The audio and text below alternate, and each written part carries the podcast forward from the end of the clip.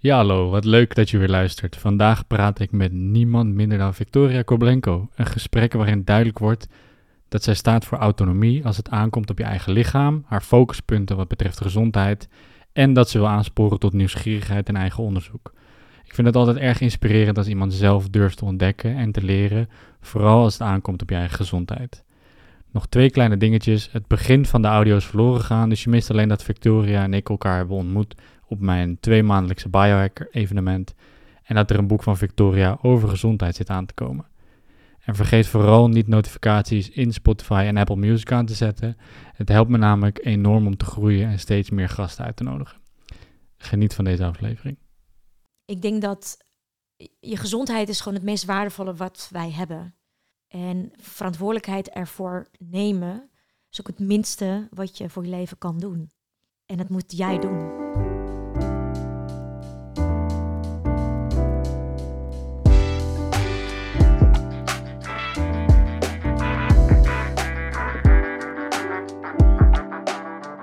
Ook het geval. Ik heb tot mijn 32e eigenlijk een super zorgeloos leven geleid. Waarbij ik ervan overtuigd was dat, dat ik uh, super gezond uh, at en bewoog. En toen kwam ik er per ongeluk achter bij een, ja, een onschuldige hormonentest dat ik in overgang was. En dat werd me op een dusdanige um, ja, quasi nonchalante manier uh, gepresenteerd dat ik dacht, ja, ja, hoe kan dat? Weet je, je bent 32 en uh, ik heb nooit gerookt, nooit gedronken, nooit drugs gebruikt. Uh, eigenlijk alle vinkjes uh, aangetikt om, ja, om optimaal van de gezondheid te genieten. En toen kwam die diagnose zo hard binnen dat ik me afvroeg, wat heb ik in retrospectief anders kunnen doen?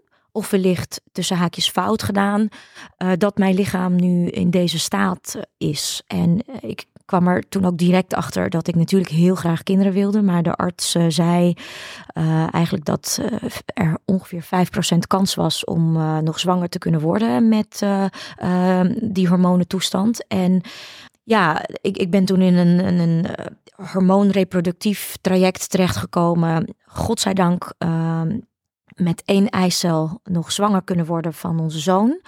En dat was mijn ingang in de wereld van, oké, dat uh, gezonde leventje wat ik dacht te hebben, dat was dus kennelijk niet zo gezond. En wat kan ik doen om dat vanaf nu af aan zo optimaal mogelijk te maken? En ja, dat begon met boeken van uh, Dave Asprey en uh, nou, David Sinclair. En ja, ik, ik moet eerlijk zeggen dat ik er toen uh, heel nederig achter kwam. Dat ik, ook al had ik een wetenschappelijke achtergrond. Uh, en, en weet je, je denkt, kijk, ik heb gymnasium gedaan. Ik heb op de universiteit gezeten. Maar op dit vlak ben ik eigenlijk een analfabeet. En uh, ja, dat was een tweede pil, bittere pil om te slikken. Omdat ik dacht ja, weet je, kennelijk is het niet vanzelfsprekend in onze maatschappij dat wij leren wat, uh, wat gezond is. En er is ook best wel veel controverse over. Weet je, is vegan gezond? Is uh, carnivore gezond? Wat is, wat is überhaupt gezond? En als je kijkt naar hoe wetenschappelijk onderzoek uh, tot voor kort is uitge uitgevoerd en hoe vrouwen erbij niet of nauwelijks zijn vertegenwoordigd en dat alle belangrijke medicijnen nauwelijks op vrouwen zijn getest, omdat vrouwen zo moeilijk uh, ja, onderhevig zijn aan uh, de normen van wetenschappelijk onderzoek. Ja, dat zijn van die voortschrijdend inzicht. Inzichten waarvan ik hoopte dat ik die 20, 25 jaar geleden op school of op de, op de universiteit had geleerd, zodat ik anders mijn leven had uh, kunnen inrichten. Dat kan ik me voorstellen, ja. Zeker als je tegen zoiets aanloopt wat zo ingrijpend kan zijn en je de uh, medische gezondheidszorg je gewoon zo laat hangen eigenlijk. Um, ik vind het wel interessant dat je tegen zoiets aanloopt en tegelijkertijd heel erg retrospectief gaat kijken van oké, wat had ik anders kunnen doen? Um, dat vind ik wel vrij bijzonder als je kijkt naar hoe we worden opgevoed inderdaad. Um, als het gaat om gezondheid en dergelijke. Um, is dat iets wat je van jongs af aan hebt meegekregen? Uh, ja, kijk, ik ben natuurlijk geboren in de Sovjet-Unie. Dat is een land wat jarenlang, echt eigenlijk decennia lang, hermetisch is afgesloten van niet alleen maar materiële goederen, maar ook bepaalde wetenschap die Europa rijk was. Dus in de Sovjet-Unie waren er weinig medicijnen, weinig um, onderzoeken en weinig ook, ehm, ja, ik, ik wilde bijna zeggen gezonde voeding, maar um, wat, wat ik eigenlijk wil zeggen is dat uh, Sovjet-Unie door die achter, achteruitgang of door dat hermetisch afgesloten achter het uh, ijzeren gordijn zijn, sommige voordelen heeft weten te behouden, omdat um, superbewerkt voedsel veel later zijn intrede deed. Uh, toen het ijzeren gordijn viel en Oekraïne, waar ik dan geboren ben, onafhankelijk werd, pas toen kregen mensen te maken met voeding die bewerkt was, zoals wij die in West-Europa nu kennen. En ik kan me nog herinneren dat wij was 12, het was 1993 en we, kwamen naar Nederland. En mijn eerste bezoek aan een grote supermarkt, ja, dat was een culturele shock. Ik had nog nooit zoiets gezien, want tot dan toe, um, ja, de praktijk was als ik van mijn moeder, als ik met mijn moeder van haar werk of van mijn school naar huis liep en we kwamen winkels uh, onderweg naar huis tegen en er stond een rij, dan sloot mijn moeder zich achteraan in de rij uh, zonder te weten wat er te koop was. Want uh, ja, en dan tegen de tijd dat het jouw beurt was, kreeg je misschien worst of kreeg je misschien yoghurt of, uh, of brood of iets anders. Dus je wist eigenlijk nooit wat je op je bord zou krijgen. En het was letterlijk jagen op, op eten. En wij werden in die tijd onderhouden. We woonden in een stad ter grootte van een Den Haag, 500.000, 600.000 mensen. En onze familie woonde nog op het platteland en ze hadden koeien en andere beesten. En elk weekend kregen we kaas en uh, niet gepasteuriseerde melk. En soms uh, mocht ik dan mee naar het dorp om te kijken hoe die koe werd gemolken of de geiten. Dus dat waren echt pure producten. Um, en natuurlijk leven met het seizoen. Dus dat heb ik eigenlijk tot mijn dertiende was dat de norm. Uh, en ook in de, in de stad waar wij woonden uh, hadden we een, een, stuk grond waarbij mijn oma alles verbouwde wat, wat kon. Van aardappelen tot kersen, perziken, peren, appels, nou, noem het op.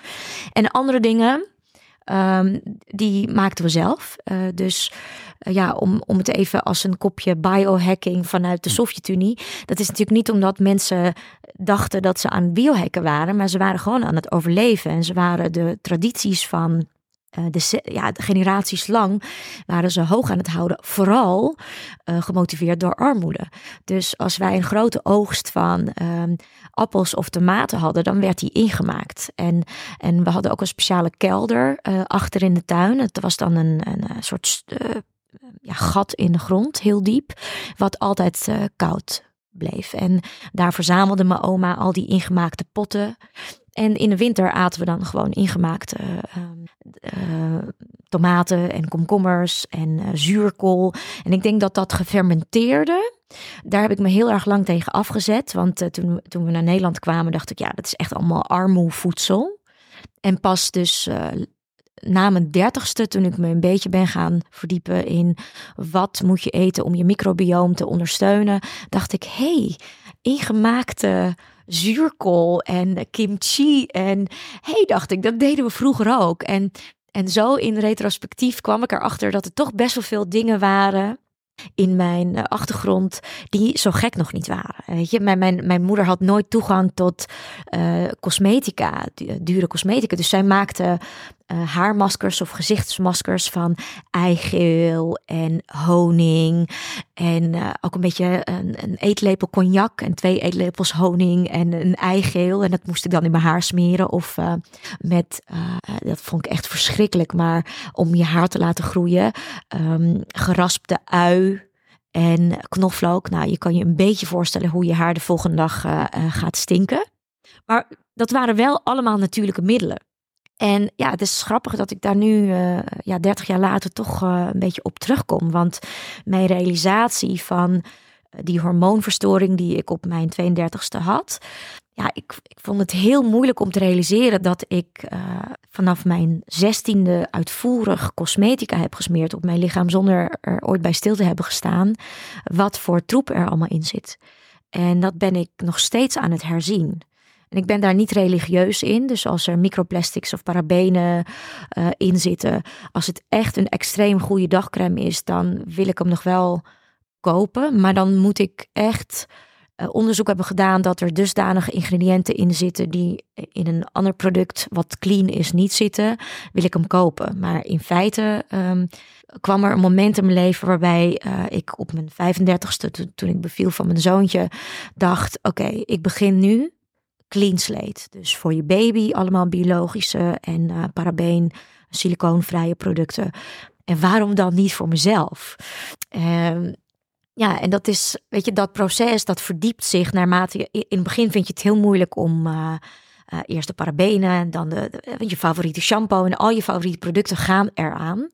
En het duurt even ja, voordat je op de markt dingen vindt die niet alleen maar clean zijn, maar ook lekker in gebruik. Want ja, laten we eerlijk zijn, het, uh, je moet het wel duurzaam en uh, kunnen sustainen. Het kan niet zo zijn dat je een, een tablet vindt uh, waar je je haren mee wast, maar na verloop van tijd ja, blijkt je haar daarvan uit te vallen of van uit te drogen. Ja, super fijn dat het dan clean is, maar het, het, ja, het bereikt zijn doel niet. Dus het is, ja, ik, ik, ik moet zeggen, het is een hele grote, tijdrovende en geldrovende hobby geworden. Want het begon met clean producten. En uiteindelijk uh, ja, ben ik uh, voor mijn werk als acteur in Rusland en in Kiev uh, erachter gekomen dat omdat mensen daar onverzekerd zijn, zoals we dat hier in Nederland kennen, zijn ze dus ook veel proactiever bezig met hun gezondheid. En proactiever betekent dat je jaarlijks een, een zeer uitvoerige bloedtest laat doen om te kijken of je niets onder de leden hebt. En dat is dan niet een bloedtest alleen maar voor mineralen, um, vitamine en mineralen, maar ook echt je hormoonspiegel. En uh, vrouwen gaan vanaf dat ze twintig zijn, twee keer per jaar naar een gynaecoloog, gewoon voor een check-up van hun uh, vrouwelijke organen. Ja, en dat is in Nederland natuurlijk anders geregeld, omdat we hier verzekering hebben. En ik bedoel, ik wil, ik wil niet mis uh, begrepen worden, verkeerd begrepen worden, uh, door te zeggen hè, dat dat systeem in Nederland zoals we hebben, dat, dat is fout. Nee, ik denk als je hier uh, in West-Europa woont en, en, en je krijgt kanker of een andere ernstige ziekte, dan ben je natuurlijk in West-Europa beter af. Laat ik dat vooropstellen. Maar ik denk dat we wel iets kunnen leren, dat we door de jaren heen onze zorg hebben uitbesteed aan huisartsen. En um, ik ken een aantal huisartsen in mijn naaste omgeving. En als ze eerlijk uh, zijn en ze kijken naar hoe hun opleiding vorm heeft gekregen, dan is daar zeer weinig aandacht besteed aan um, diëtiek. Aan hoe je, hoe je moet eten, wanneer je moet eten. Um, en dan hebben we het niet over caloriebeperking, maar over mijn favoriete onderwerp, uh, het vasten of het, uh, je energiehuishouding reguleren met, met wat je eet en hoe laat je eet. En um, ja, en, het is in die zin zou het heel fijn zijn als een aantal chronische ziektes op die manier eerst zouden worden aangepakt in plaats van dat we iedereen maar een, uh, een pilletje voor diabetes 2 uh, voorschrijven. Wat niet zegt dat we die pillen niet moeten schrijven, maar een eerste stap van de mensen die zich slecht voelen, zou eigenlijk zijn dat je eerst je dieet op orde krijgt. En dat je daarna pas, als je er niet uitkomt, um, ja, mee naar een huisarts eh, gaat. Dus ja, toen ik in Moskou filmde en ik merkte dat ja, al mijn collega-acteurs s'avonds een, een, behalve de sportschool ook een infuus namen aan vitamines of Nat Plus. En ja, dat was 2016 en ik kan me nog als de dag van gisteren herinneren dat ik dacht, hè, waarom? En toen ben ik me daarin gaan verdiepen en natuurlijk heb ik daar zelf ook mee geëxperimenteerd om vervolgens tot de ontdekking te komen dat het je een ontzettende up geeft als je de volgende dag moet presteren. Maar ja, die vitamines en mineralen nemen natuurlijk, uh, ja, die hebben een afbouw van uh, eh, 48 uur ongeveer. Dus het is een beetje dweilen met de, met de kraan open. Um, maar Nat Plus is toen wel op mijn radar gekomen. En samen met uh, wat Dave Asprey en David Sinclair daarover hebben geschreven. Um, ja, is dat intussen uh, iets wat ik binnenkort uh, op een structurele basis uh, als supplement ga nemen. Dus ik doe ontzettend lang over research, over supplementen en ook over mijn dieet. Mijn dieet, um, um, toen ik dus ging bevallen, moest ik heel snel afvallen voor mijn beroep. En dat was voor het eerst dat ik te maken kreeg als vrouw met een coach die mij ging begeleiden met een dieet en in de sportschool. En um, dat was effectief, maar effectief qua gewicht. Maar voor mijn moed uh, totaal niet vol te houden. Dus ik, ben in zes maanden ben ik uh, 20 kilo afgevallen. Um, dat moest toen voor een, een rol en dat, dat was prima gelukt, maar van binnen voelde ik me diep ellendig en um, emotioneel totaal uitgeput. En als ik het opnieuw zou willen doen, zou ik die rol ook uh, laten schieten. Uh, maar ja, weet je, je bent voor het eerst zwanger.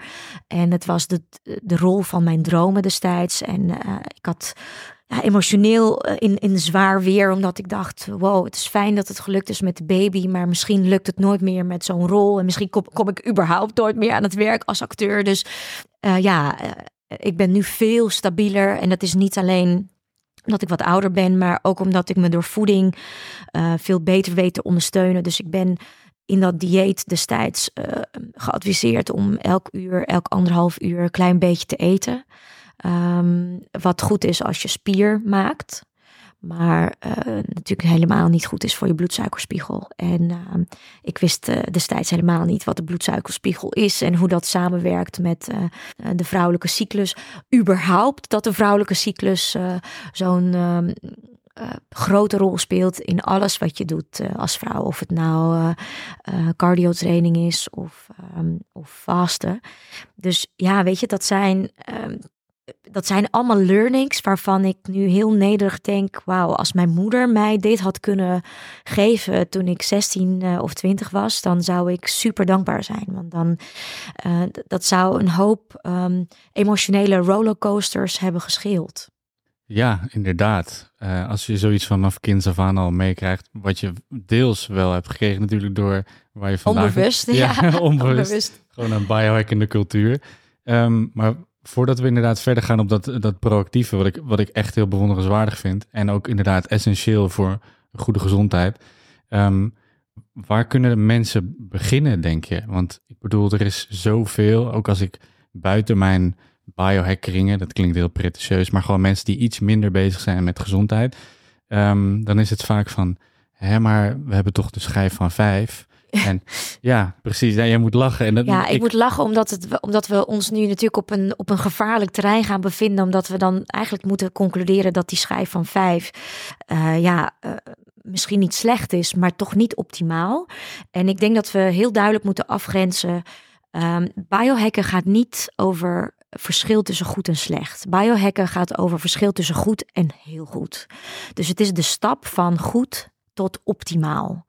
Um, en als dat niet jouw ding is, dan moet je niet gaan biohacken. En sowieso moeten we natuurlijk het woord biohacken vervangen voor gewoon optimaal leven. En optimaal leven, dat is persoonlijk. Dus als je twintig bent en je bent een man en je mankeert niks, maar je wil graag spier opbouwen, dan is jouw biohack uh, in een hele andere tak van sport dan voor een vrouw die 35 is, die twee kinderen onder de vijf thuis heeft lopen, een baan, uh, altijd niet op afstand um, en een huishouden. Weet je, dat zijn hele andere trucjes die je dan moet gaan uh, uitvoeren om je optimaler te voelen. Dus ja, ik heb bijvoorbeeld gemerkt dat uh, met een aantal uitspraken afgelopen weken dat er een hoop jonge mannen heel heftig reageren op um, bepaalde uitspraken die te maken hebben met giftigheid van nou, de, de, de bonnetjes, de bonnetjesaffaire.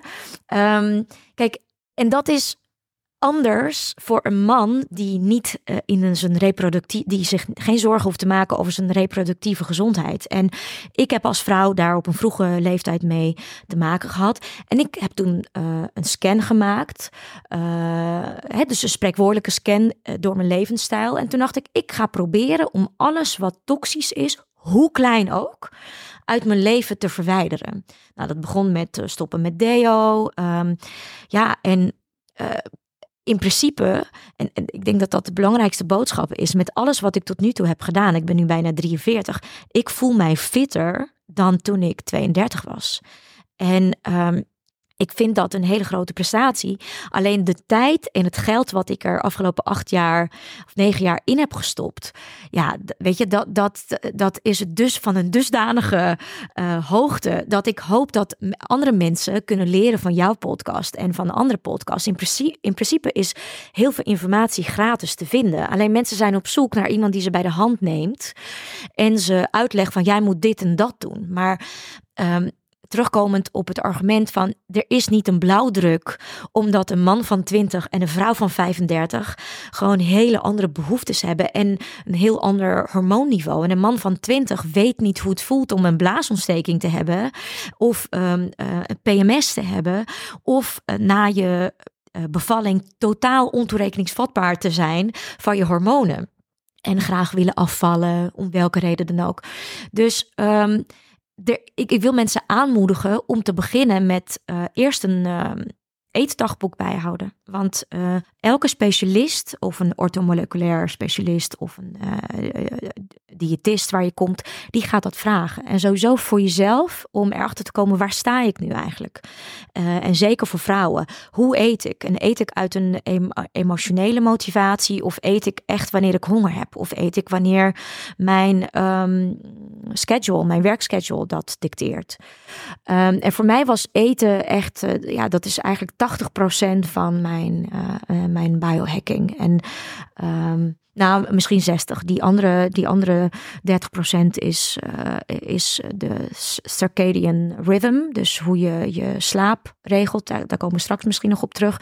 En de rest is uh, uh, bewegen en supplementen. Maar voor mij staat hoe ik eet en wat ik eet echt op één. En ja, voor mij betekent dat gewoon food preppen. En uh, ja, ik ga vanavond met de auto op reis. En ik weet, uh, we komen langs een aantal tankstations of een aantal hotels. En ja, dan ben ik dus afhankelijk van de rotzooi die daar te koop is. Dus dat betekent dat ik uh, goede dingen mee moet hebben. Dus goede oliën, avocado's, misschien gekookte eieren, wat vette vis. Zodat als ik honger heb, dat ik dan goede dingen eet in plaats van snelle koolhydraten. En ja, dat klinkt, weet je, en um, als ik nu eh, zo boven mezelf uitzweef, dan denk ik, oh mijn god, dat deed mijn moeder vroeger als we dus op reis gingen. Dan nam ze ook altijd tup Tupperware dingetjes mee. En ik had er een hekel aan, omdat ik dacht, dat is zo'n armoede. Waarom kunnen we niet ergens in een café gaan zitten? En nu doe ik dat zelf, maar mijn moeder deed het vroeger letterlijk uit armoede, omdat dat we nooit wisten eh, eh, waar, en waar er eten zou zijn en wat er dan zou zijn. En ik doe dat nu om mij te beschermen tegen slechte keuzes. Dus je begint met een eetdagboek en je gaat gewoon een aantal weken uh, bijhouden. Wat eet je? Heel uitgebreid. En uit welke emotie eet je? En hoe vaak eet je? En dan ga je het voor jezelf analyseren. En voor vrouwen zou het eigenlijk relaxed zijn om dat echt een maand te doen, omdat je dan je hele cyclus meeneemt. En dan zal je zien dat je hele andere eetbehoeftes hebt in het begin van je cyclus en aan het einde van je cyclus. En ja, ik denk dat um, als ik het woord vasten noem, uh, dat, dat werkt uh, als een rode lap voor veel mensen. Omdat dat klinkt als heel gevaarlijk. Of terwijl dat is, weet je, biohacken is eigenlijk gratis. Hè? Je hoeft niet zoals ik een infuus of ozontherapie voor je bloed te doen. Dat hoeft allemaal niet. Dat is echt voor ja, idioten die daar heel diep in doorgaan, zoals jij en ik. Mhm. Maar je kan gewoon beginnen met dingen die er gratis zijn. Op tijd naar bed gaan of geen blauwe schermpjes voor het slapen gaan is gratis. Wifi uitschakelen is gratis. En uh, op een bepaalde manier eten en uh, maaltijden doorschuiven is ook gratis. En sterker nog, de meeste mensen zullen misschien zeggen: ja, maar uh, ja, dat biohacken en dat vasten, dat is misschien moeilijk, want je moet meer geld uitgeven. Nou, uiteindelijk, als je het, ja, het overschakelen is misschien ingewikkeld, want je moet Tupperware bakjes kopen en je moet investeren in goede olijfolie of goede boter in plaats van margarine. Maar je zal merken dat uh, daarna is het goedkoper. Want uh, je bent minder tijd kwijt aan het bereiden van voedsel. Je bent minder tijd bezig met het eten van voedsel. En je bent minder tijd kwijt aan het afwassen en het afruimen van voedsel. Dus het werkt tijdsbesparend voor mij. Alleen ja, je moet het wel constructief aanpakken. En voor vrouwen geldt dat ze zich moeten realiseren dat ze uh, niet zomaar. Kijk, vrouwen denken: oh, vasten, dan kan ik lekker snel afvallen. Maar vasten gaat niet over afvallen. Vasten gaat voor mij echt over het beheersen uh, hoe je energiehuishouding werkt. Dus dat betekent als je. Um, in je progesteronfase zit, dus dat is de week voordat je gaat menstrueren, moet je niet uh, cardio willen doen of um, willen vasten. Dat werkt averechts. Uh, vasten is natuurlijk wel een um, hormesis, dus uh, een enige vorm mate van stress. En um, progesteron houdt niet van stress. Dus uh, op het moment dat je je um, aanmaak van progesteron onder stress brengt, wordt er minder progesteron gemaakt en dan heb je een ongemakkelijke menstruatie of een pijnlijke menstruatie of misschien zelfs een menstruatie die uitblijft. Dus dat zijn van die dingen waar je niet mee moet beginnen. Maar als je gaat vasten, um, dan moet je dat langzaam opbouwen. Dus je begint eerst met alle tussendoortjes eruit slopen. Tussendoortjes heb je, betekent als je uh, trek hebt in, in een tussendoortje. Het betekent dat je bloedsuikerspiegel verwend tussen haakjes is. Dat je verkeerde dingen eet. Dat je te veel snelle koolhydraten eet. En dat je te weinig nutriënten ervoor hebt gegeten. Dus je sloopt eerst de tussendoortjes eruit. En je gaat zorgen dat op de grote eetmomenten van de dag. dat je uh, meer nutriënten gaat eten. En nutriënten zijn gewoon de betere vetten. En ik denk dat voor vrouwen geldt dat wij. En ik nogmaals, ik heb hier maanden over gedaan om me over te geven aan de vetten. dus de, tot mijn 32e waren de vetten echt een taboe. Ik, ik at nooit boter. Ik had alleen maar luidproducten. En achteraf, achteraf gezien denk ik dat um, die houding. Um, dat ik daar een aandeel in heb gehad in mijn hormoonspiegel naar de kloten helpen. Omdat onze hormonen natuurlijk gemaakt worden van vetten. En als je dus bezuinigt op de goede vetten als vrouw, dan krijg je op den duur uh, te maken met je hormoonspiegel. Dus uh, als je meer goede vetten eet, heb je minder trek in slechte koolhydraten. Dat is gewoon een, een succesformule. Dus als er altijd uh, een avocado of uh, goede noten in de buurt zijn, of uh, en dat soort zaken. Als je, je, kan zelf onderzoek doen naar wat zijn dan die goede vetten. En als je die gewoon prept en bij je hebt. Um, ja, dan zal je vanzelf merken dat je na een week al veel minder trek hebt in, in tussendoortjes. En ja, daarna zorg je dat je eerst 12 uur per dag niet eet. Dus dat, dat je een eetraam hebt van 12 uur zonder tussendoortjes. En dan ga je elke dag in dat dagboekje bijhouden. Wat gebeurt er als ik 13 uur niet eet? Maar met de voorwaarde dat je in die 13 uur dat je niet eet, hetzelfde aantal calorieën eet. En nogmaals, ik wil echt benadrukken: het is niet de bedoeling dat je uh, calorieën gaat afbouwen. Want uh, en Zeker voor vrouwen, mannen kunnen dat wel gerust uh, doen.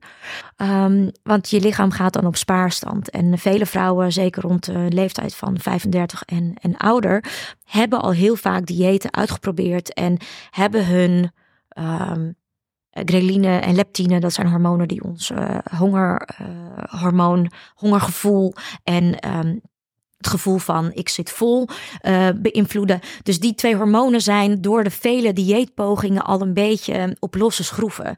En je wil niet in die spaarstand komen, want dan raak je, dan kom je dus eigenlijk aan en dan denk je na twee weken, oh dat vasten, dat werkt niet voor mij. Um, ja, en als je en, en, en dan kun je dit dus uitbouwen naar wat ik nu doe. Uh, en dat is uh, 16 of, uh, of zelfs 14 uur per dag niet eten. Dus ik heb mijn eerste maaltijd rond een uur of half 12, 12 uur. Soms lukt het me zelfs om pas om half 1, 1 uur te eten. En dan eet ik mijn ontbijt en mijn lunch tegelijkertijd. En dat is een ontzettend grote maaltijd. En die kun je ook niet cold turkey van de ene op de andere dag aan. Want je maag is daar niet. Je maag is gewend om elke twee uur een, een klein beetje te eten. Um, als je van zo ver komt als ik. en ja, en dus als je dit onder knie hebt, dan ga je dit op je cyclus reguleren. En op je cyclus betekent dat je als vrouw um, moet je eerst uh, um, kijken van uh, wanneer begin ik met mijn menstruatie. En dan komt er een periode van ongeveer zeven dagen waarbij je ontzettend veel um, uh, ja, stressors aan kan. Dus cold plunges, cardio trainingen, echt krachttraining, dankjewel. Ik kwam even niet op het woord. Uh, en vasten. Al, al vast je dan 24 uur of langer, prima. Maar rondom je ovulatie en dus die laatste week uh, voor je menstruatie, uh, ja, liever niet. Dus ik ga nu gewoon best wel hard met al dit soort zaken. Koud water zwemmen en, en krachttrainen en cardio in deze twee periodes van mijn uh, menstruatie. En de andere twee weken, dus rondom de ovulatie uh, en die laatste week, niet. En dan doe ik uh, andere zaken. Dan zorg ik dat ik extra koolhydraten neem in de vorm van um, wortelachtige groenten en no-cold plantjes. wel krachttraining, maar niet te diep. En ja, dit is dus echt. Uh, ik ben met een, uh, een dieetspecialist al twee jaar een boek aan het schrijven over intermittent fasten. En het boek is eigenlijk al twee jaar af. Maar goed, er kwam een oorlog in Oekraïne tussen en, en, en, en COVID. En het is een kwestie van dat boek uh, vormgeven en uit, uitbrengen. Maar als we het dus twee jaar geleden hadden uitgebracht, dan hadden we nog geen profijt kunnen hebben van recent onderzoek. En het is onderzoek dat, uh, ja, dat vasten voor vrouwen dus helemaal niet uh, voordelig is als je dat elke dag doet. En vrouwen moeten gewoon leren luisteren naar die cyclus. En ik moet eerlijk bekennen dat ik dus eerder ben begonnen met vasten dan dat dit onderzoek er was. En kijk, met, ik wil benadrukken dat, dat biohacken, um, dat is voor mensen die uh, pril onderzoek genoeg vinden. Ik weet niet hoe jij. Uh, ja, dat heb ik ook. Weet je, dus ik, ik heb een aantal mensen die uh, ik al acht jaar volg. En dat zijn uh, professoren op dit vlak. En als zij een bepaald supplement slikken, ja, dan lees ik zelf één of twee onderzoeken en dan vind ik het genoeg. Maar er zijn mensen die zeggen, ja, ik wacht liever af dat, dit aan alle kanten uh, dubbelblind getest is. En pas als het dan door de overheid geïmplementeerd is, dan ga ik dat supplement slikken. Dat kan. Maar ja, als je, als je, weet je, dit is echt een rabbit hole waar we misschien uit moeten blijven. Maar ik vind het altijd merkwaardig hoe um, als je bij PubMed, dat is een soort Google voor medisch onderzoek. Als je gaat kijken hoeveel onderzoeken er zijn gedaan naar vitamine D. En dat zijn er volgens mij rond de 80 of 90.000. Uh, en als je gaat kijken naar onderzo uh, onderzoeken die gedaan zijn naar diabetes 2 medicijnen of hoge bloeddrukmedicijnen. Ja, dat zijn een hoop duizend minder onderzoeken. En toch zijn dat medicijnen die heel makkelijk door de huisarts worden voorgeschreven om bepaalde symptomen uh, te helpen. En mensen gaan daar veel sneller mee akkoord en gaan dan in discussie van ja, maar zou je dat supplement wel of niet? Je, ik vind dat een hele moeilijke discussie. Dat is een, dat is, uh, ik, ik neem dat risico. Uh, en ik neem dan, uh, laten we vitamine D nemen. Natuurlijk ga ik liever uh, vitamine D aanmaken in de zon. Maar in de wintermaanden, woonachtig in Nederland, weet je gewoon. Ja, ik neem dan drie dubbele doses van vitamine D op basis van mijn bloedonderzoeken. En die doe ik dan in begin, begin september en ergens in mei. Dan kan ik precies monitoren van heeft dat geholpen of heeft dat niet geholpen.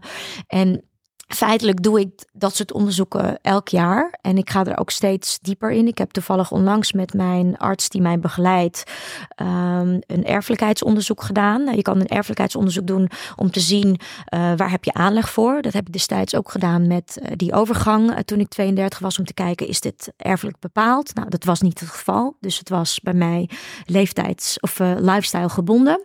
En nu is er dus een, een, een nieuw onderzoek waarbij je kan kijken degene die uh, predispositioned zijn, dus stel voor, ik zou aanleg hebben voor kanker, um, staat dat gen al aan. Dus je kan door je levensstijl um, een bepaald gen waar je uh, aanleg voor hebt, wel of niet aanzetten. En ik vind dat dus miraculeus aan biohacken. Dus je kan aanleg hebben voor bepaalde ziektes. Maar je hebt dus heel veel tools om diegene niet aan te zetten. En daarom ben ik hier zo ontzettend eh, begeisterd over. Omdat de welbekende uitspraak, weet je, de, de genes uh, load the gun, mm -hmm. but it's the lifestyle that pulls the trigger. Yes. En daarom vind ik het proactief zijn uh, met je gezondheid zo. Ik wil gewoon mensen inspireren dat ja, het kost misschien geld in het begin om wat onderzoeken te doen. Want de meeste onderzoeken, uh, ja, wat je via de huisarts krijgt, dat is best wel beperkt. Maar als je gewoon begint met uh, je microbioom te onderzoeken en je, je, je vrouwelijke hormonen ja, dan heb je een heel erg goed startpunt om te zien hoe ver ben ik. Ik heb bijvoorbeeld toen die overgang geconstateerd was, ja, moest ik een, uh, een test doen om te kijken hoe ver ik ben met osteoporose. Ik kwam in het ziekenhuis en ja, die die, die, de man die dat onderzoek bij me deed, lachte me uit, letterlijk. Want ja, hij, weet je, hij zei ook van, weet je, weet je zeker dat jij hier moet zijn? Ben jij niet, uh, moet je niet met je moeder hier zijn?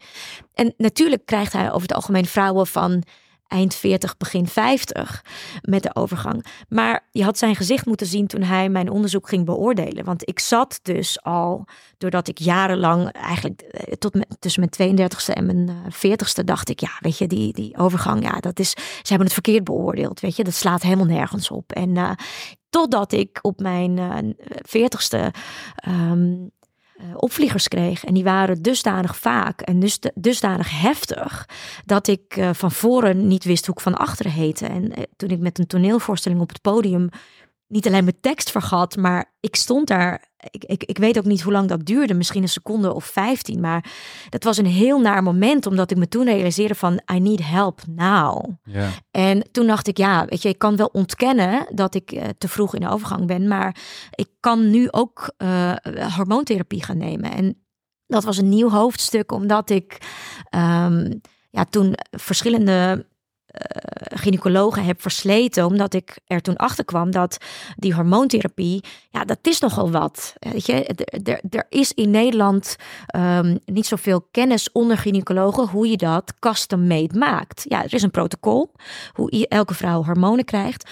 Maar ja, een vrouw van 32 of 38 heeft waarschijnlijk een andere dosis nodig dan een vrouw van 52. En ik merkte dat ik, uh, ja, helaas moest ik dat dus ondervinden door uh, symptomen, dat ik een veel te grote dosis kreeg. Dat ik, dat ik toen met die hormonen ontzettend uh, heb zitten springen. En ja, het heeft dus jaren geduurd voordat ik een arts tegenkwam die voor mij een custom-made approach had gemaakt.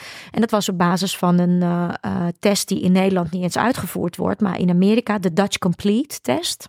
Wat houdt dat precies in? En de Dutch Complete test is, kijk, normaal gesproken als je bij een gynaecoloog of bij een huisarts komt als vrouw en je test je hormonen, dan test je wat je lichaam produceert aan, uh, aan vrouwelijke hormonen.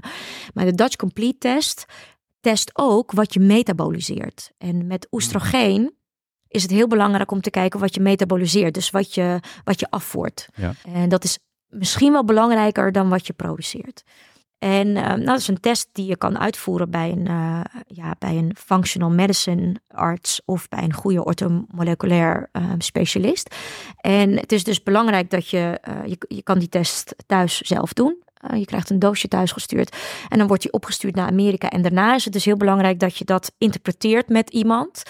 Um, en nou, dat heb ik dus gemerkt, want ik heb uh, een aantal jaar geleden was ik al begonnen met al die ingewikkelde testen. Maar op het moment dat je er zelf geen enkel benul van hebt, dan vervaagt het ook. En dan, dan kan een specialist wel zeggen, ja, je metaboliseert, te weinig dit of te weinig dat. Maar je, door de jaren heen heb ik, uh, heb ik gewoon uh, geleerd dat het echt fijn is om te snappen wat, uh, ja, wat het betekent. Het gaat om je eigen lichaam. En het is inderdaad ingewikkelder dan je biologieles van toen je 14, 15 op school was.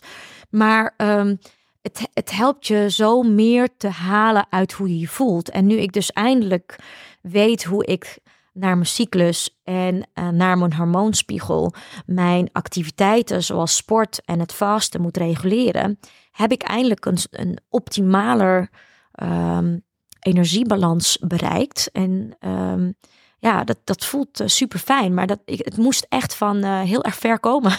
Ja, maar die heb je wel helemaal zelf afge... Die weg heb je wel helemaal zelf afgelopen. Ik denk ook, want je noemt inderdaad, uh, moeten we die rabbit hole wel ingaan. Um, je noemt blauw licht, je noemt vaste, al die andere dingen die je hebt toegepast. Maar ik denk dat het vooral wat, wat jou hier quote succesvol in heeft gemaakt in, in die gezondheid, is het ervaren daarin. En daarop acteren, zeg maar. No pun. Ja, ja, nou ja, no pun intended. Ja. ja. ja, kijk, en wat ik, uh, kijk, voor, voor de mensen thuis die misschien niet in de overgang zijn, of uh, mannen die dit luisteren, dat, is, dat wordt een, een ver van je bedshow. Maar om even aan te geven, een concreet voorbeeld hè, met dat vasten. Voor dat, onder, voor dat uh, boek heb ik onderzoek gedaan naar uh, eerst wat is vasten, wat, wat voor voordelen heb je als man, als vrouw. En ik wist dat ze in de Sovjet-Unie hadden ze klinieken waarbij ze verschillende ziektes en verschillende protocollen hadden door je een bepaald aantal dagen te laten vasten. Nogmaals benadrukken dat dat kwam uit gebrek aan toegang tot andere medicijnen. Um, maar er is heel veel interessant onderzoek ook uh, rondom de Tweede Wereldoorlog. We hebben het er kort over gehad bij een uh, Meetup uh, Biohacking Event. In de Tweede Wereldoorlog in Sint-Petersburg, wat toen nog Leningrad heette, was er een beleg. Een beleg van Leningrad duurde 500 dagen. En het was verschrikkelijk omdat de Duitsers dus de stad hadden afgesloten van eten. En mensen hadden zo lang honger dat ze behanglijm aten. En... Uh, huisdieren en andere zaken. En schoenveters, dat ze dus pap maakten van uh, behanglijm en schoenveters. Maar ook uh, elkaar. of broertjes of zusjes die overleden aan iets anders. Dat zijn natuurlijk verschrikkelijke dingen. Maar onderzoekers um, hebben nu, het is opgevallen dat sommige mensen die dus dat hebben overleefd, dat ze nu rondom de 100 jaar zijn en opvallend vitaal en gezond. En er is nu dus onderzoek gaande om te kijken van zou het kunnen zijn dat die kinderen die toen uh, natuurlijk niet omdat ze zelf aan het intermittent vasten waren, maar omdat door die omstandigheden is er iets in hun biologie um, geprogrammeerd, waardoor ze nu nog steeds baat hebben van dat programma. En dat zijn zaken die biohackers als eerste, als pioniers uitzoeken. En toen ik dat las, dacht ik, ja oké, dit is nog niet een dubbel gecontroleerde blinde studie. Maar kind of makes sense. En um, ik wilde dat toen ook zelf ervaren. En ik dacht, um, ja, ik wil eigenlijk ervaren hoe het voelt om langer te vasten dan 24 uur. Ja, ik ben moeder van een, een, peut, een kleuter. En ik moet uh, s ochtends en s middags en s avonds allemaal um, broodtrommeltjes klaarmaken. Dus ik vind het intens moeilijk om in uh, mijn eigen huis langer dan 24 uur te vasten. Dus ik heb een kliniek gevonden waarbij ik een week kon vasten. En uh, dat was onder medische begeleiding. Dus ik wil verder niemand uh, aanmoedigen om dat thuis uh, nee. zelf te doen. Zeker niet als je iets mankeert. laat staan iets chronisch. En um, ja, ik kwam dus in Costa Rica in een kliniek die dit al 35 jaar doet. En ja, ik mankeer niets behalve die overgang. En er waren mensen die um, opgegeven waren door de reguliere geneeskunde. Ja. Dus mensen die uh, met borstkanker of met prostaatkanker of uh, mensen die bijvoorbeeld uh, slechts één uur per nacht kunnen slapen door allerlei verstoringen.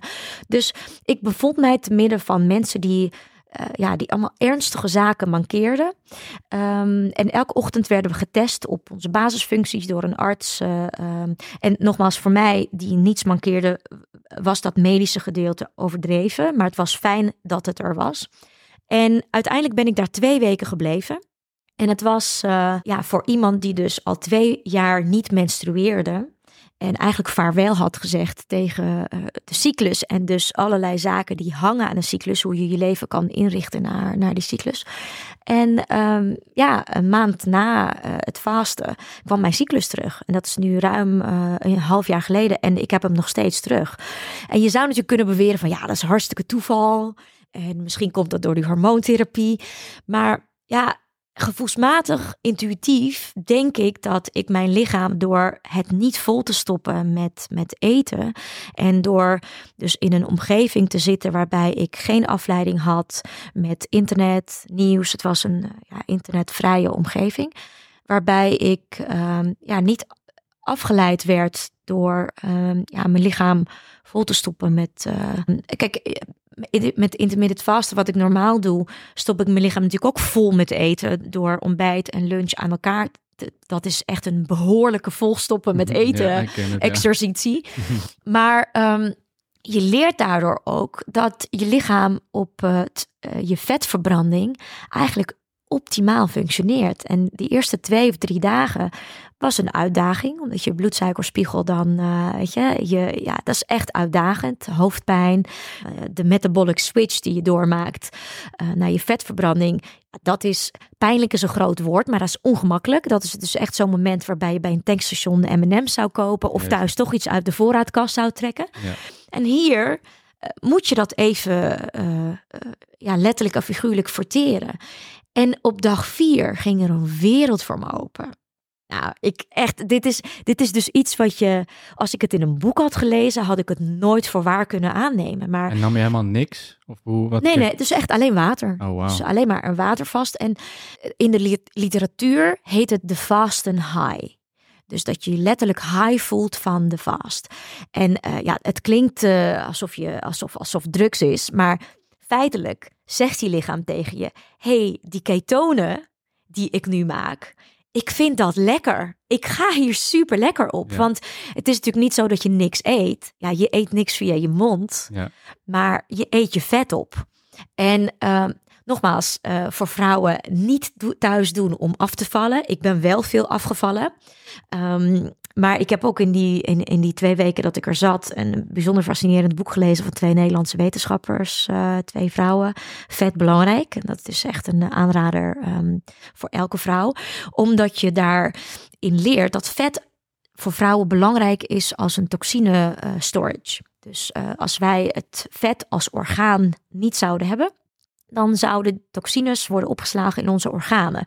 En dan zouden wij eigenlijk veel, die, dan zouden die organen veel sneller aan uh, vervanging toe zijn. Dat, Ja. zou, dat zou de kwaliteit van uh, je leven niet ten goede komen.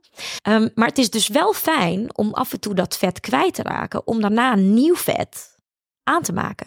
Dus die vijf kilo die ik in die week, uh, in, die, uh, in die elf dagen uh, ben kwijtgeraakt, ja, dat heb ik er daarna weer aangegeten. Maar dat is wel nieuw schoon vet. Dus het voelde een beetje als een schone lei. En ik heb voor het eerst uh, dus kunnen experimenteren met raw vegan. Dat is was iets wat ik altijd al heb willen proberen. Uh, maar wat natuurlijk heel moeilijk is om vanuit een vetrijk, uh, keto, koolhydraatarm dieet, om dan naar raw vegan te gaan. Uh, maar nu vanuit niets eten was het een hele logische stap om je um, spijsvertering niet te belasten met zware, zware zaken. Belangrijk om te vermelden is dat in deze kliniek voor elke week dat je niet eet, moet je anderhalf tot twee dagen blijven en onder begeleiding beginnen met eten. Omdat, ze, omdat je spijsvertering net zo moet wennen aan eten verteren als Niet aan eten. het niet eten. Ja. Uh, dat is wel echt heel belangrijk dat dat ook onder begeleiding gebeurt. En ja, maar ik ben, ik ben daardoor zo uh, geïnspireerd geraakt door uh, wat voor reset het mij gege gegeven heeft. Ik wil gegeten zeggen, dat zou echt een hele Freudiaanse verspreking zijn geweest. Dat ik uh, nu dus echt aan het, aan het kijken ben van, is dit iets waarbij ik um, in, in de vorm van retraites of andere zaken specifiek voor vrouwen wat ik kan aanbieden. Omdat ik verwacht niet dat vrouwen zoals ik uh, naar Costa Rica voor twee weken, uh, weet je, dat is nogal wat. Ja. En het is zowel qua tijd, qua emotionele investering en ook financiële investering en uh, ja, best wel een rip uit je lijf. Maar uit de liter literatuur blijkt, blijkt dat je na uh, vier en vijf dagen al een behoorlijke hormoonreset kan geven. Um, mits dat dus onder begeleiding gebeurt en mits je vrouwen, vrouwen echt op het hart um, kan drukken dat het niet een quick fix is om even snel kilo's te verliezen. Want uh, weet je, ik heb dat nu al zo vaak benadrukt en ik hoop dat vrouwen dat echt uh, aannemen. Voor mannen is dat makkelijker, weet je. Jullie maken om de 15 minuten gewoon een beetje hormonen aan en het is vanaf jullie geboorte totdat jullie sterven ongeveer hetzelfde. Dus de biohacks voor mannen zijn veel, veel uh, simpeler en met minder risico's. Ja. Ja, ja, dat proces is veel li meer lineair dan, dan en kun je ook makkelijker meten. Ja. Ja, dus de meeste kennis daarover is inderdaad ook voor mannen. Ja. Um, maar inderdaad, voordat men nu inderdaad op zoek gaat naar, naar retretes van uh, in Costa Rica, waar ik wel in, overigens heel uh, geïnteresseerd in ben. Um, Kijk, ik vind, maar als ik nog één ding mag ja, toevoegen, tuurlijk. want heel veel mensen hebben me ook op Insta gevraagd van waar heb je dat gedaan? En Kijk, waar ik het deed, uh, ik sta totaal achter de manier van begeleiden van het vasten. Maar de, um, het weer eten en de, het dieet van uh, deze man die dat doet, daar sta ik niet per se achter. Okay. Want A, het is een man, hij is een fructotariër, dus iemand die oh. alleen maar leeft op fruit.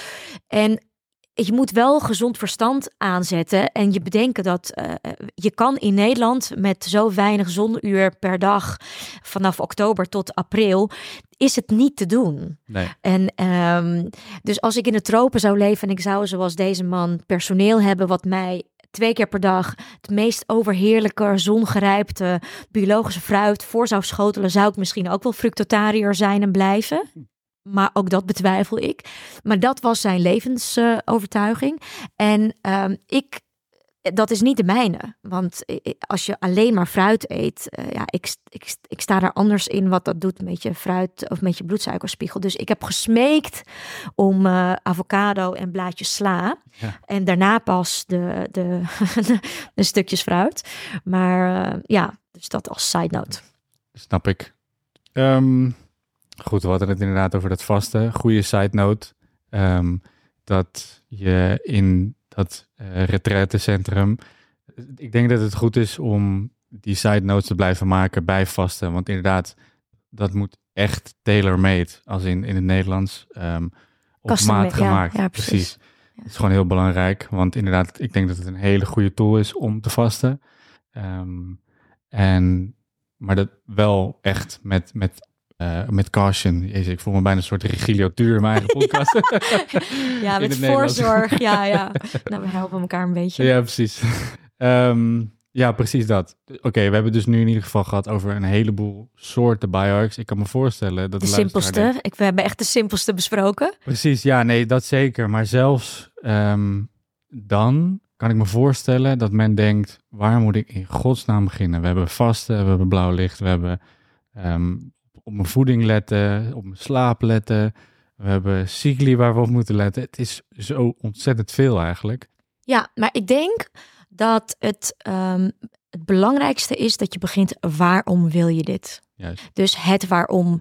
En voor mij is het waarom um, dat ik de laatste 10, 15, 20 jaar van mijn leven in optima forma uh, wil doorbrengen. Of ik nou 80 word of 120. Um, dat, dat maakt me eigenlijk niet zoveel uit. Als ik maar die laatste uh, twee decennia rechtop met een goed postuur en niet achter een rollator. Um, en, en dat ik gewoon fit ben. En dat heb ik me een aantal jaar geleden als, uh, um, ja, als doel gesteld. Van als ik dan terugreken vanaf 100 naar nu. Welke zaken moet ik nu gaan bijsturen? Wil ik later daar uitkomen? Dus ja, en voor mensen die luisteren, iedereen heeft zijn eigen waarom. Uh, dus ik denk dat, dat je daar moet beginnen. En vervolgens, uh, ja, laten we kijken of we een top 3 of een top 5 kunnen maken. Ja, ik denk dat, uh, dat alles begint met daglicht, zonlicht. Waar we in Nederland natuurlijk wel een tekort aan hebben in, in, in de winter. En hoe wij omgaan met de schermen. Mensen onderschatten dat heel erg. wat het voor je postuur doet. En dus hoe krom je gaat lopen als je richting je 80, 90, 100 gaat. Um, dus daar, daar moet je nu al aan denken. Dus als je in bed ligt voor overgebogen en dat doe je elke ochtend en elke avond, dat zal gevolgen hebben voor je postuur. Um, en terugkomend op dat blauw licht. Blauw licht is eigenlijk al het licht wat afkomt van onze schermen. Of het nu televisie, iPad, eh, computer of je telefoon is. En op een iPhone kun je dat terugschroeven, waardoor het vanaf 8 uur s avonds eh, geel wordt. Maar ik heb daar zelfs een bril voor. En in de wintermaanden um, doe ik hem vrij vroeg op. Soms zelfs al rond een uurtje of zes, zeven. Ik moet erbij vermelden, ik heb er echt een godsgruwelijke hekel aan, aan die bril. Want het kijkt natuurlijk helemaal niet lekker. Nee. Uh, maar ja, ik, ik bijt me daar een beetje doorheen, omdat ik merk dat het echt effect heeft. Dus uh, daarnaast qua slaap weten de mensen ongetwijfeld dat uh, je slaapcyclus anderhalf uur duurt. Dus als je om tien uur naar bed gaat, moet je je wekker zetten met cycli van anderhalf uur. Want als je dan uh, standaard je wekker om zeven uur zet, maar je kan de tijd tussen tien uur en uh, zeven uur s ochtends niet delen door anderhalf uur, dan word je dus minder, midden in je cyclus wakker. En dat is niet lekker. Dus ga je om half elf naar bed, dan moet je dus op een ander, ander moment je wekker zetten, zodat dat netjes op je anderhalf uur uh, valt. Um, ja, en dat zijn van die hele kleine rot dingen. Maar it all builds up. Uh, en je gaat er echt profijt van hebben uh, als je dit een weekje doet.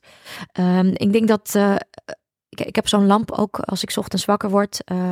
dat, dat ik dan fel licht heb gedurende eerste half uur ook een bril trouwens, die ontwikkeld is door een Nederlandse slaapcoach die uh, Olympische atleten heeft geholpen beter te presteren als ze met tijdzones zich moeten verplaatsen voor Olympische Spelen. Dus stel, um, er waren Olympische Spelen in Beijing en je moet dan dezelfde prestatie leveren, maar wel met jetlag. Mhm. Hoe zorg je door middel, door middel van zo'n bril dat je uh, biologische klok meegaat? Nou, dat is een kwestie van een week eerder beginnen. En als je dan daar aankomt, is je biologische klok al langzaam opgebouwd. Um, en het klinkt ingewikkeld, maar eigenlijk is het een kwestie van een keer op een avond inlezen. Wat is, wat is een biologische klok? En uh, hoe werkt uh, circadian rhythm? Wat is dat eigenlijk in het Nederlands? Circadiaan ja. ja, zoals, weet je, en dat is, niet, dat is niet om interessant te doen dat we nu van die Engelse termen hebben, maar dat is omdat er nog zo weinig literatuur is in het Nederlands. En de meeste literatuur op dit vlak is in het Engels. Um, ja, dus nummer één is uh, circadiaans ritme onder de knie krijgen. Wanneer slaap ik? Uh, word ik uitgeslapen wakker? Um, wat kan ik doen om uh, beter en meer uit mijn slaap te halen? Um, ik ben een lange slaper. Mijn, Hoe lang? Ja, zeker acht uur.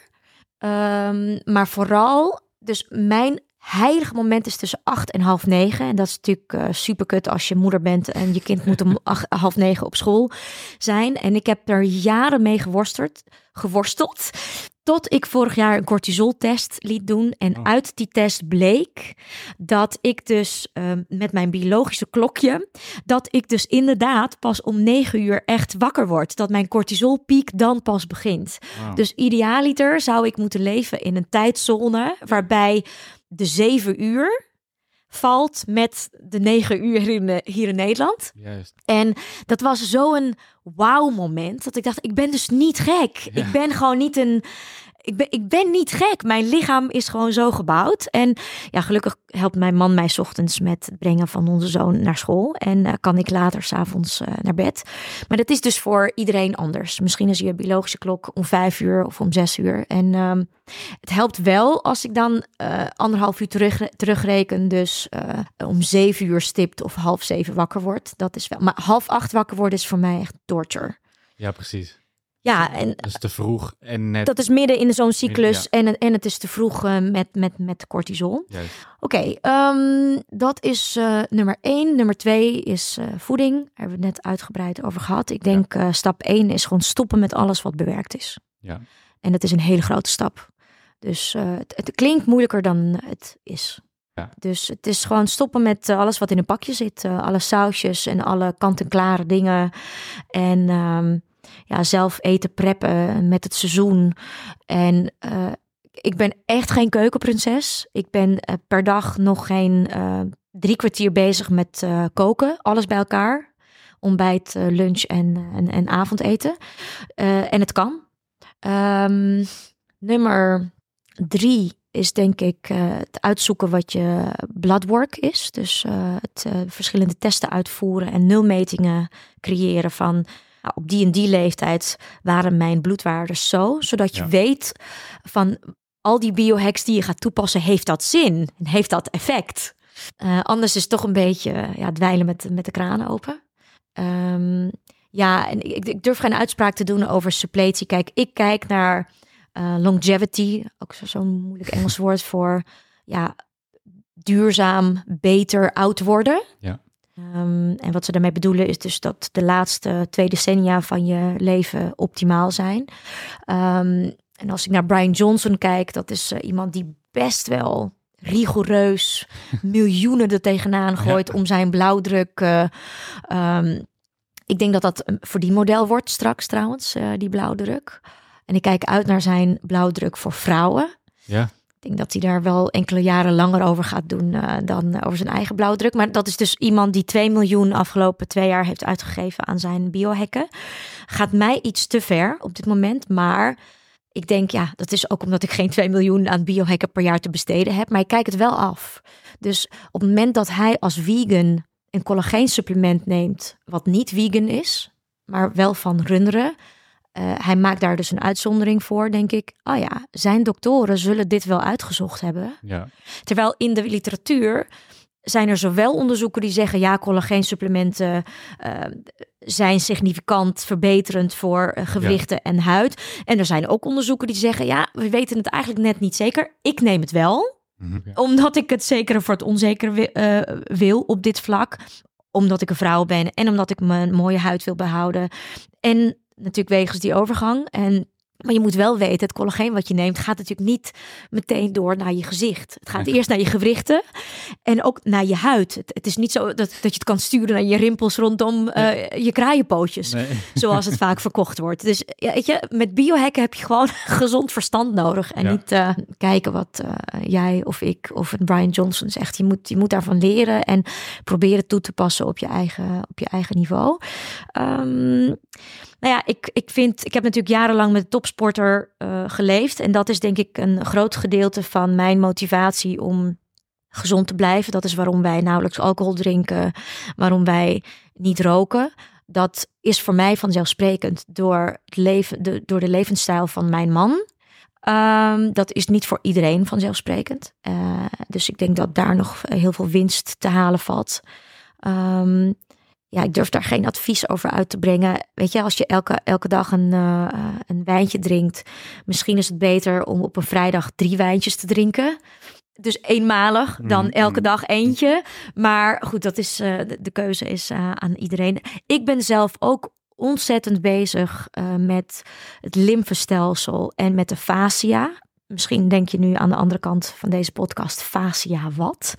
Um, ja, fascia is een soort spinnenweb wat door ons hele lichaam zit. En um, ja, als je wel eens een stukje vlees van de slager hebt gesneden, dat zijn van die witte draadjes die er doorheen lopen. Daar zitten we vol mee.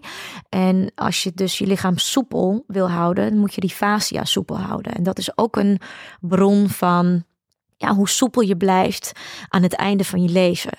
En daarom ben ik uh, bijna dagelijks aan het diep stretchen. Ik ga ook naar klasjes waarbij ik dat ook uh, doe onder begeleiding van mensen die het nog veel beter kunnen dan ik. Maar um, ja, je kan, als je spier opbouwt, word je natuurlijk heel uh, strak en heel hard, om het maar even te noemen. Maar die soepelheid, dat is eigenlijk het recept om, ja, om resilient te worden het spijt me voor die Engelstalige woorden, echt. Lieve mensen, sorry. Ja, en het lymfestelsel is voor vrouwen die uh, hun huid optimaal willen behouden zonder uh, troep van fillers of wat dan ook. Ja, dat is gewoon een kwestie van je lymfestelsel activeren door hele makkelijke jumps en uh, makkelijk afvoeren door um, van die guasha tools. Je kan het ook met een lepel doen. Als je een lepel pakt en je voert je overtollige lymfe af naar de lymfknopen. Uh, en sowieso is het investeren in je lymfesysteem heel goed, omdat je allerlei zaken kan uh, afvoeren door je lymfestelsel. Maar het is zo'n ver van je bedshow als je net begint, weet je. Dat is echt als je... het kost mij nu allemaal 10 minuten in mijn ochtendroutine. Ik doe dan honderd van die kleine jumps met met mijn hielen op de grond. Ja. Terwijl ik mijn tanden poets. Oh ja. uh, dus het is niet zo dat ik de hele dag door bezig ben met biohacken. Weet je, het moet vooral passen in je routine. En je moet het ook passend maken. Soms. Uh, als ik cognitief moet presteren, dan uh, zorg ik dat ik dat op een lege maag doe. Want ik merk dat ik op lege maag veel uh, beter praat, kan ik me beter concentreren. Maar als ik fysiek iets moet doen, dan zorg ik dat ik ochtends juist heel goed eet. En dat ik stevig begin en dan sla ik het avondeten over. Oh ja. Dus, uh, en ook daar zijn verschillende onderzoeken over. Dat mocht je willen, uh, dus aan gewichtsbeheersing willen doen, dan schijnt dat laatste dus beter te werken. Dat je ochtends vroeg begint met een stevig ontbijt, stevige lunch. En dan uh, s'avonds je eten doorschuift naar de lunch. Dus ja. dat, dat, je het averechts doet. Um, ja, terugkomend op die topsporters. Kijk, um, tien jaar geleden, uh, toen mijn man last kreeg van zijn Achillespees en met geen enkele chiropractor of een fysiotherapeut kon, uh, kon het verholpen worden, toen is hij in Kiev naar een arts gegaan en die heeft hem toen PRP voorgeschreven. PRP is een vampire lift, wordt in de beauty-industrie gebruikt. Uh, wordt je bloed uit je ader genomen, dat wordt gecentrifugeerd. En um, de helft van de bloedlichaampjes wordt gescheiden. gescheiden. Precies, dus de, je bloed wordt gescheiden. Ten eerste kan je testen wat de kwaliteit van je bloed is. Dat kan je met het blote oog zien. kan ook direct zien of je gisteren een drankje hebt genomen of niet. Ehm, en dan spuit je dat in de, uh, in de blessure. In zijn geval was het de Achillespees. Het wordt vaak ook in de knieën gedaan, maar in de beauty-industrie wordt dat dus tegen rimpels gedaan. En dat is een favoriet van mij om twee redenen. Het is uh, je eigen materiaal, dus er komt helemaal geen troep uh, aan, aan te pas. Um, en als topsporters het hebben uitgeprobeerd, meestal uh, zijn ze natuurlijk uh, gebonden aan uh, dure contracten bij ja. topclubs. Ja, weet je, als zuurstoftherapie, daar, daar kan je van alles van vinden. of daar genoeg onderzoek over is of niet. Maar als Ronaldo en Messi dat doen bij hun clubs, dan is dat, weet je, it's good enough for me ja. om dat te proberen. Dus ik heb een, een tijdje zo'n zuurstofcabine gehuurd. Um, en ik heb een, een hersen heet dat een scan? Ja, een hersenscan laten maken. Mm -hmm. En een aantal keer in die cabine geweest. En over een aantal maanden weer zo'n scan. Om te kijken wat voor effect dat heeft. En ja, dus, ik hou ervan op te experimenteren. Maar ik hou er nog meer van om te zien of dingen echt werken. Juist. Um, ik, ik denk dat dat ook een beetje het moraal van het verhaal is. Ik bedoel, biohacking klinkt allemaal als ver van de bedshow. Waarschijnlijk voor veel mensen. Maar ervaren hoe je je voelt, experimenteren, proactief zijn, um, meer mogen vragen van je eigen gezondheid. Ja. En um, ja, dan zul je, ik had het volgens mij met Eduard in mijn podcast gisteren erover. Um, als biohacker ben je eigenlijk een soort van ondernemer met je eigen lichaam. Ja, dat vind ik heel mooi gezegd. Ja, dat klopt. Ja, het, het, begint met verantwoordelijkheid nemen dat je je eigen gezondheid niet kan uitbesteden. Ja. En natuurlijk als je een botbreuk hebt of uh, uh, chemotherapie moet hebben of iets dergelijks, is het logisch dat we dat uitbesteden. Ja. En uh, weet je, ik wil alle huisartsen die hebben dat beroep gekozen omdat ze mensen willen helpen. Maar op het moment dat je voelt dat je ergens tegenaan loopt waar je huisarts je niet verder mee kan helpen, dan is het tijd om te kijken wat er nog meer uh, aangeboden is. En ik vind het jammer dat er sommige van de biohacks in het verdomhoekje of zeg maar tussen haakjes in de kwakzalverijhoekje terechtkomen. Maar dat is meestal wordt dat in dat, uh, meestal wordt dat door de mensen die niks mankeren, die nooit hebben meegemaakt hoe het voelt om in een verdomhoekje te zitten en ontzettend hopeloos te voelen, ja, dat je je slecht voelt en niemand kan iets voor je betekenen. En de mensen die wel weten hoe dat voelt, ja, die staan dus open voor alles. Kijk, als, toen ik begin twintig was en ik had om de maand blaasontsteking, en je hebt dan om de maand een, uh, een antibiotica kuur. Dan kan, dan kan de huisarts wel zeggen: ja, nee, ga maar naar huis, want je hebt er nu al vier of vijf gehad. Dat is niet zo goed voor je microbioom. Maar je sterft van de pijn. Ja. Die pijn is zo intens, je kan niet functioneren. Dus op dat moment denk je: nee, maar geef me maar de zesde en de zevende en de Ja. achtste. En de, ik wil mijn hele leven aan de antibiotica. Ja. En nu denk ik: ja, maar wacht heel even. Die arts heeft niet meer dan dat dan die symptoombestrijding. Maar er is wel meer. Ja. En het is wel omstreden wat er is. Maar vanuit die pijn kijk je heel erg anders naar datgene wat omstreden is. En als je niet weet hoe die pijn voelt, denk je, ja, nee, maar de huisarts is het summum van Ja. autoriteit. Ja. Ehm, en het moet vooral ook zo blijven voor sommige dingen. Maar ja, zeg maar met die blaasontsteking, ik, uh, ja, ik moest dus uh, bijna 38 worden. Totdat ik wist dat er iets is als demanose. Dat is een soort suiker wat uh, heel slecht wordt verteerd door je microbioom. En dat komt dus uh, in, je, in je blaas. En dat zit dus heel goed vast aan die E. coli-bacterie, die de blaasontsteking vaak uh, veroorzaakt en zo pijnlijk maakt. En als je dus lang genoeg hoge dosis demanose slikt, dan raak je van die E. coli-bacterie af. En ik had op mijn 38ste dus weer zo'n blaasontsteking. En ik dacht, ik moet voorkomen dat ik aan, weer aan zo'n antibiotica-kuur moet. En ik heb bijna een maand demanose geslikt. In extreem hoge doseringen. En sindsdien heb ik nooit meer blaasontsteking gehad. Ja, dat is een oma-middeltje. Ja. Maar I don't give a fuck als het werkt, weet je. Ja, ja. Want intussen op mijn 38ste wist ik gelukkig dat antibi zoveel antibiotica kuren gewoon super slecht voor je, voor je zijn. Ja. En uh, ja, weet je, ook het, het, nu maken we de cirkel rond met uh, de Sovjet-Unie.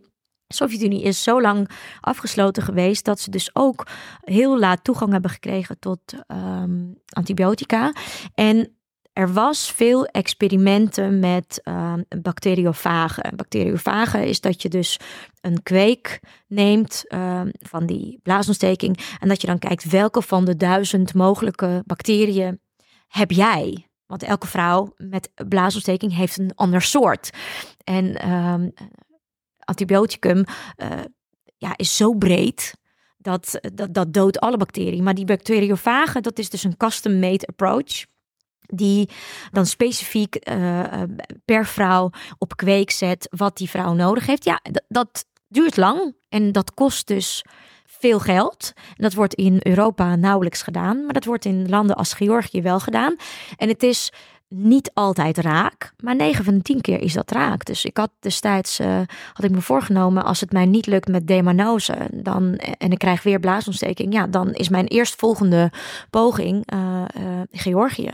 En kijk, en dat vergt gewoon een hele andere um, houding, want je kan dan alsnog zwichten voor een antibioticum. Of je kan zeggen, nee, maar ik wil het nu het is nu klaar met symptoombestrijding. Ik wil nu de oorzaak vinden. En die oorzaak zit uiteindelijk in waarom krijg je blaasontsteking. Juist. En dat geldt voor meerdere dingen. Waarom krijg je, krijg je hoge bloeddruk? En waarom krijg je ja, um, diabetes 2? En uh, dat is, ik vind het een uitdaging om in mijn naaste familie, mijn vader heeft diabetes 2 en mijn moeder heeft hoge bloeddruk, om ze te stimuleren uh, ja, toch als eerste te beginnen met een mediterraan dieet. Ja. Probeer dat eens zes weken. En kijk hoe dat voelt. Ja. En uh, ja, het is, uh, het is omstreden, maar als ik dan hoor van die begeleider van uh, het vaste kliniek, dat, dat je van diabetes 2 van hoge bloeddruk in twee weken vasten kan afkomen.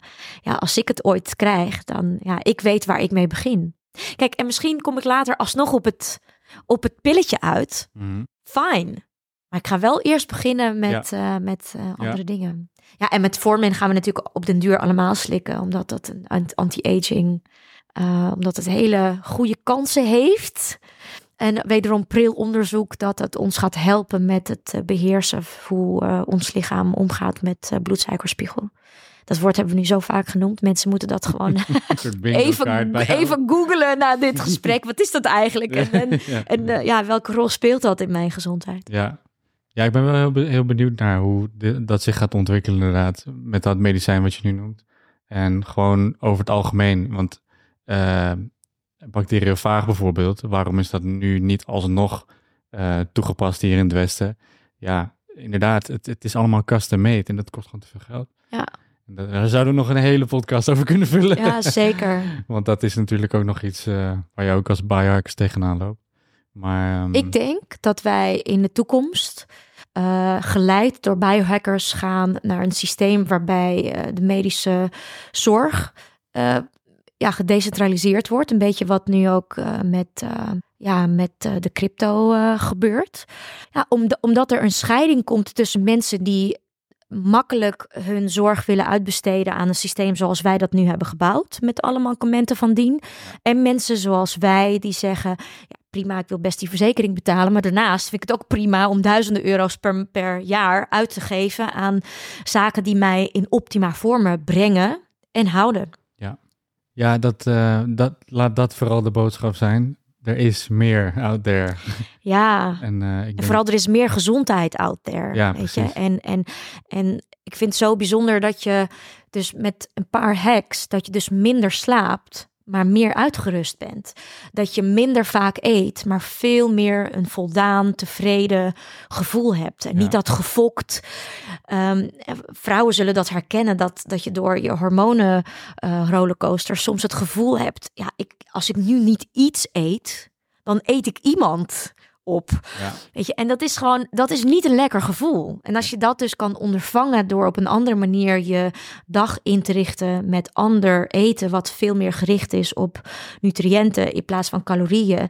Sowieso dat je niet meer slaaf bent van die kutcalorieën. Want weet je, al die boekjes over in shape. En die zijn natuurlijk gestoeld om vrouwen het lichaamsbeeld te laten geven, wat Ja. helemaal niet zo. eh, ja, ik kan me herinneren dat ik op mijn dunst was. En op mijn meest ongelukkig. En Juist. op mijn meest gefokt van binnen. En ja, ik ben heel trots dat ik nu van binnen een heel steady, tevreden, voldaan gevoel heb. Ehm, en daardoor ben ik ook veel blijer met wat ik in de spiegel zie. En dat, ik bedoel, ik heb me voor het laatst gewogen, ik weet niet hoe lang geleden. Ja, ik denk met dat vasten, Oh ja. zeven maanden geleden. Ja, precies. Maar eh, weet je, die weegschaal, het het is gewoon totaal onbelangrijk geworden. Want het gaat erom hoe je je van binnen voelt. En Ja, dat je genoeg energie hebt om alles te doen wat je zou willen op een dag. juist.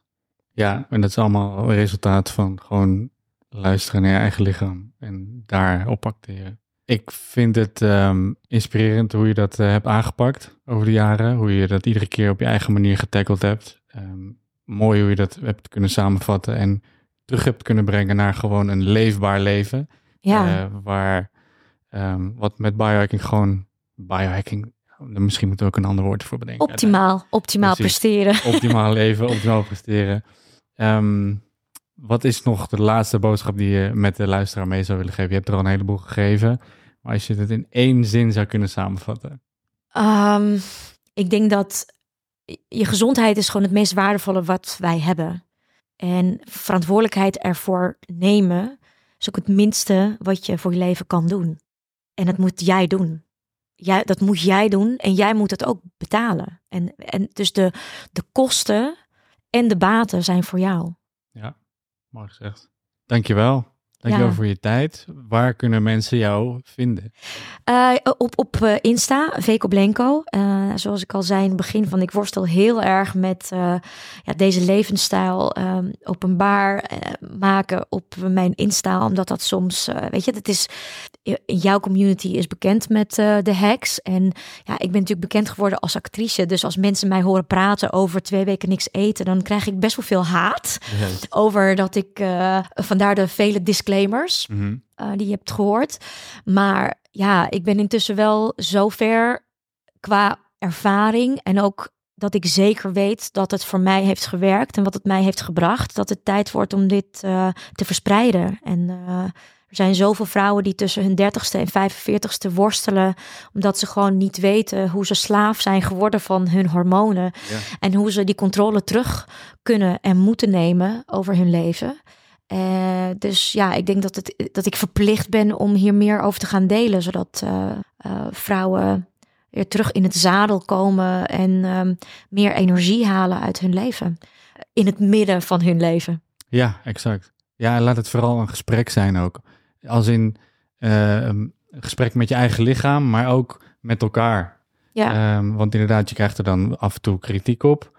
Ehm, maar hoe, hoe, want de intentie is goed en, en de informatie, je hebt je, je hebt je onderzoeken gedaan. Dus laat het vooral een interactie blijven in plaats van twee partijen tegenover elkaar. Ik denk dat dat vooral heel belangrijk is. ja, dankjewel. Dankjewel, Victoria.